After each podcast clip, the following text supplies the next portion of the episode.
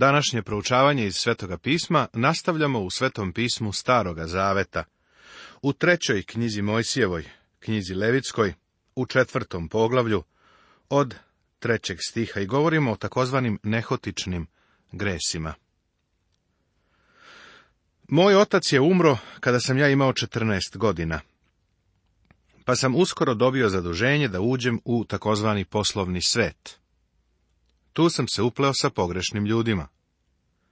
Radio sam sve ono što jedan 25-godišnjak u svetu radi, a imao sam 16 godina. Ne dajem nikakav izgovor, ali stvarno nisam znao koliko je to loše bilo. Onda je došao dan kada sam primio Hrista. I od tada do sada ja se osvrćem i mrzim sebe zbog onoga što sam radio. Hvala Bogu, prijatelju, da postoji žrtva za greh. Hristos je umro za mene, pa mogu da odem kod njega i svemu to kažem. Ne moram da uspužem ni uz čiji kauč i pričam o tome. To se ipak nikoga ne tiče. Ali sigurno se tiče Boga, pa o tome moram da mu ispričam. On mi prašta, jer se na krstu pobrinuo za sve moje grehe. Žrtva za greh nas uči da sebe moramo vidjeti onako kako nas vidi Bog. To pred nas iznosi svest o grehu i našoj bezvrednosti, ali i Božije staranje. Greh svoj kazah tebi i krivice svoje ne zatajih, rekoh, ispovedam gospodu prestupe svoje i ti skide s mene krivicu greha mojega. Ovo je zapisano u psalmu 32. u petom stihu. Ovo uklanja osjećanje krivice. Žrtva za greh govori o sobstvenoj nepodobnosti. Žrtve i darova nećeš, ti si mi uši otvorio. Žrtve paljenice i koja se za greh prinosi ne tražiš, kaže psalam 40. u šestom stihu. Ovo nam pokazuje put ka savršenom Božijem zadovoljenju za greh i ka njegovom oproštenju. Kad dakle, braćo, imamo pouzdanje da ulazimo u svetinju krvlju Isusa, koji nam je otvorio novi i živi put kroz zavesu, to jest njegovo telo, i kad imamo velikog sveštenika nad Božijim domom, pristupajmo s istinitim srcem u punoj veri, očišćeni u srcima od zle savesti i oprana tela čistom vodom. Poslanica Jevrejima, deseto poglavlje, od 19. do 22. stiha. Sada ti i ja, grešnici, možemo hrabro doći u njegovo prisustvo. Zašto? Jer je Isus naša žrtva za greh, čak i za ove grehe iz nehata. Kroz neznanje i nepromišljenost, greh nam skreće pažnju na još jednu stranu Božije pravde i na njegovo apsolutno poštenje i časnost u obhođenju sa ljudima. Bog sa ljudima pravično postupa. Postojaće stepeni kazne kao i stepeni nagrade. Stepeni odgovornosti se također posmatraju pri žrtvi za greh, kao što ćemo vidjeti u različitim klasama ljudi koji su ovde uzeti u obzir gresi sveštenika. Ako sveštenik pomazan izgreši, te bude na greh narodu, neka za greh svoj, koji je učinio, prinese tele zdravo gospodu na žrtvu za greh. Prvo se razmatra greh sveštenika, jer je sveštenik zauzimao vodeće mesto. Ako on nije bio u redu, ni narod ne bi bio u redu njegov greh je bio i njihov greh. Kakav sveštenik, takav narod. On je kao žrtvu morao da donese tele, najvredniju od svih životinja. Vidiš da je pozicija onoga ko je zgrešio određivala vrstu životinje koja se prinosila. Greh nije bio drugačiji, ali je odgovornost bila veća. I danas je tako. Ko dakle zna da čini dobro, a ne čini, greh mu je, kaže poslanica Jakovljeva u četvrtom poglavlju. Ne budite, braće moja, mnogi od vas učitelji, jer znamo da ćemo u toliko većma biti osuđeni, kaže Jakovljeva u trećem poglavlju. Brate, želiš li da budeš propovednik? To te čini još odgovornijim. Želiš li da solo pevaš? To te čini odgovornim. Želiš li da budeš đakon ili službenik crkve ili učitelj u veronauci, onda imaš veću odgovornost od drugih. Privilegija nosi odgovornost, a sam Bog će te držati odgovornim za te stvari. To je ovdje vrlo jasno pokazano. Te bude na greh narodu. Ovo je bolje prevesti sa te prouzrokuje da narod greši. Ovo nam ukazuje na odgovornost sveštenika. On je bio puko ljudsko biće i bio je podložan istim iskušenjima kao i ostatak naroda. Zakon naime postavlja slabe ljude za prvosveštenike. U ovome je radikalna razlika između Hrista, našeg velikog prvosveštenika i sveštenika po redu Aronovu jer mi nemamo prvosveštenika koji ne može saosećati sa našim slabostima, nego je on u svemu bio iskušan, slično nama, izuzev greha, kaže poslanica Jevrejima u četvrtom poglavlju, u petnaestom stihu. I dovedavši tele na vrata šatoru od svedočanstva pred gospoda, neka metne ruku svoju teletu na glavu i zakolje tele pred gospodom. Ovo je obred za žrtve za greh. U ovom delu obreda postoji sličnost sa žrtvom paljenicom. I neka uzme sveštenik pomazani krvi od teleta i unese je u šator od sastanka. I neka zamoči sveštenik prst svoju krv. I krvlju sedam puta pokropi pred gospodom, pred zavesom od svetinje i neka pomaže sveštenik tom krvlju rogove oltaru, na kom se kadi mirisima pred gospodom u šator od sastanka. A ostalu krv od teleta svu neka izlije na podnoži oltaru, na kom se pale žrtve, na vratima šatora od sastanka. Prskanje krvi sedam puta pred zavesom od svetinje je osiguravalo Božiju zajednicu sa donosiocem žrtve. Staviti nešto krvi na rogove kadionom oltaru, mestu molitve, značilo je obnoviti donosiocu žrtve privilegiju da slavi Boga. Naša prihvaćenost od strane Boga i naša molitva i slavljenje Boga zavise od krvi Isusa Hrista. Ako ispovedamo svoje grehe, On je veran i pravedan da nam oprosti grehe i očisti nas od svake nepravednosti, kaže prva poslanica Jovanova u prvom poglavlju, u devetom stihu. I po zakonu se skoro sve čisti krvlju. I bez prolivanja krvi nema oproštaja, kaže poslanica Jevrejima u devetom poglavlju, u dvadeset drugom stihu. Ostatak krvi bi se prolio na podnožje oltaru od bronze.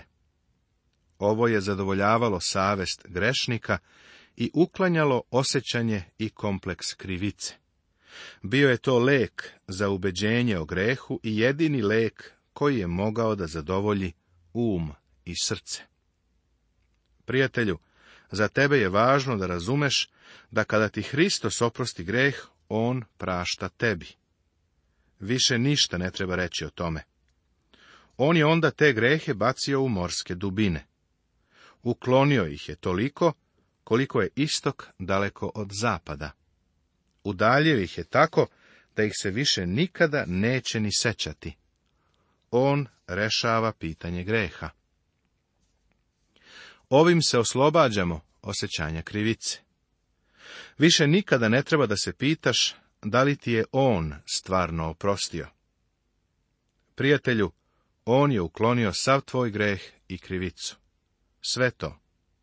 Kada dođeš Hristu i kada ga ugledaš, vidjet ćeš da mu nema ravna. I neka izvadi sve salo iz teleta za greh, salo što pokriva creva i sve salo što je na crevima, i oba bubrega, i salo što je na njima i na slabinama, i mrežicu na jetri s bubrezima neka izvadi. Onako, kako se vadi iz govečeta za žrtvu zahvalnu, i neka zapali sveštenik na oltaru na kom se žrtva pali. Ovaj obred žrtve za greh prati obred žrtve zahvalne, pomirne. Greh je oprošten. Zajednica je ponovo uspostavljena i služba je obnovljena. Salo, odnosno pretilina, je prineta da sagori na oltaru. Seti se da salo predstavlja ono najbolje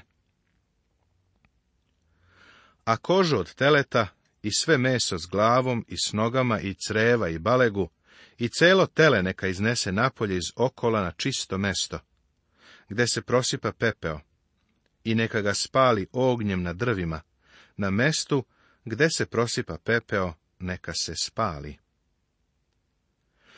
Na ovom mestu postoji značajno radikalno razdvajanje od drugih žrtava ostatak teleta se uzimao i odnosio izvan okola, odnosno zbora, i tamo se spaljivao. Mislim da je prosto reč o tome da se naglašava prevazilaženje grešnosti greha. Životinja je bila žrtva za greh. Nema ni govora o posvećenju ili ukazivanju na Hristovu ličnost. Umesto toga, to je Hristos nosilac greha onaj koji je učinjen grehom radi nas.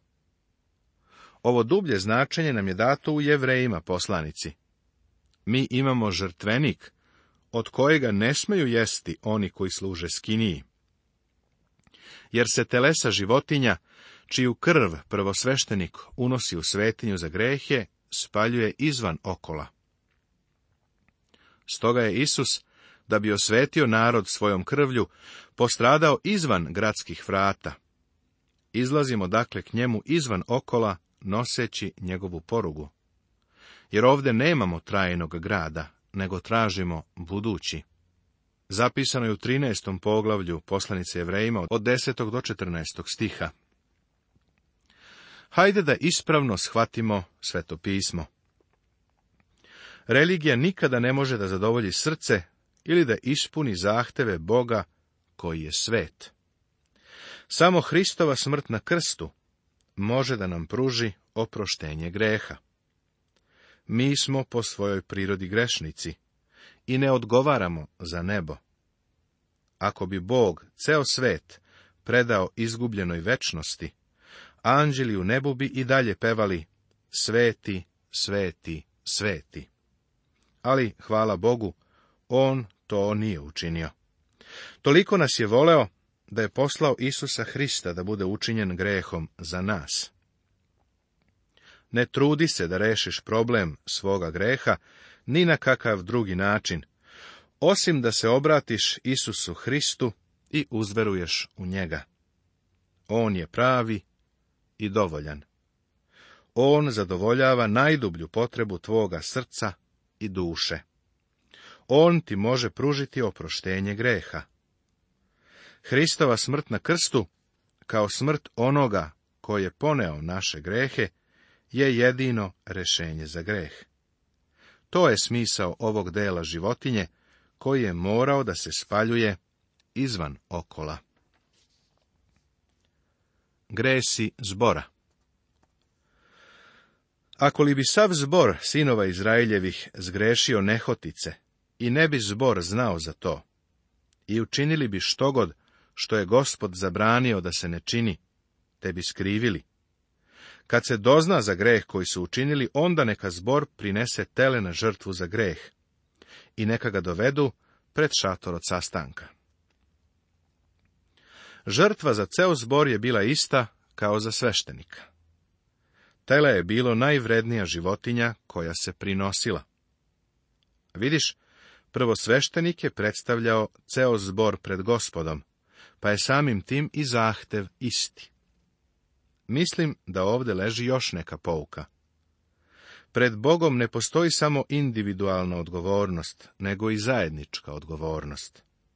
Bog sudi narodima, a mnogi koji ne učestvuju u grehu tog naroda, ipak uz ostale potpadaju pod sud. Kada je Jerusalim bio uništen 70. godine posle Hrista, ceo narod je odveden u ropstvo. Kada se rimsko carstvo raspalo, sa njim su pali i svi ostali. Prijatelju, ti i ja imamo odgovornost. Mi smo deo naroda. Bog također sudi crkvama i lokalnim zajednicama. Slušam kako neki ljudi govore da će ostati u liberalnoj crkvi, i pokušati da ljudima tu svedoče. Gde su samo dobili takvu ideju? Toga nema u Božjoj reči. Ako se identifikuješ sa crkvom koja ne uči istinu iz Božje reči, Bog će ti suditi zajedno sa crkvom. Tvoja odgovornost je individualna, ali ako se pridružiš nečem, onda podležeš i zajedničkoj odgovornosti. Kada je gospod poslao svoje poruke u sedam crkava u Aziji, što nalazimo u knjizi Otkrivenje Jovanovo, poruka je bila upućena crkvama i svakom članu svake crkve. I starešine od zbora neka metnu teletu na glavu ruke svoje pred gospodom i sveštenik neka zakolje tele pred gospodom. Starešine su predstavljale narod. Slično tome, starešine u knjizi otkrivenja predstavljaju crkvu. Sada je ovdje ovaj obred identičan obredu pri prinošenju žrtve za sveštenika. Ne bih to ponovo obrađivao, jer sve je objašnjeno u stihovima od 16. do 21. Gresi poglavara Ako li poglavar zgreši, i učini nehotice štogod što je gospod Bog njegov zabranio, da se ne čini, te skrivi. Kada dozna za greh svoj koji je učinio, tada neka dovede na žrtvu jare muško zdravo.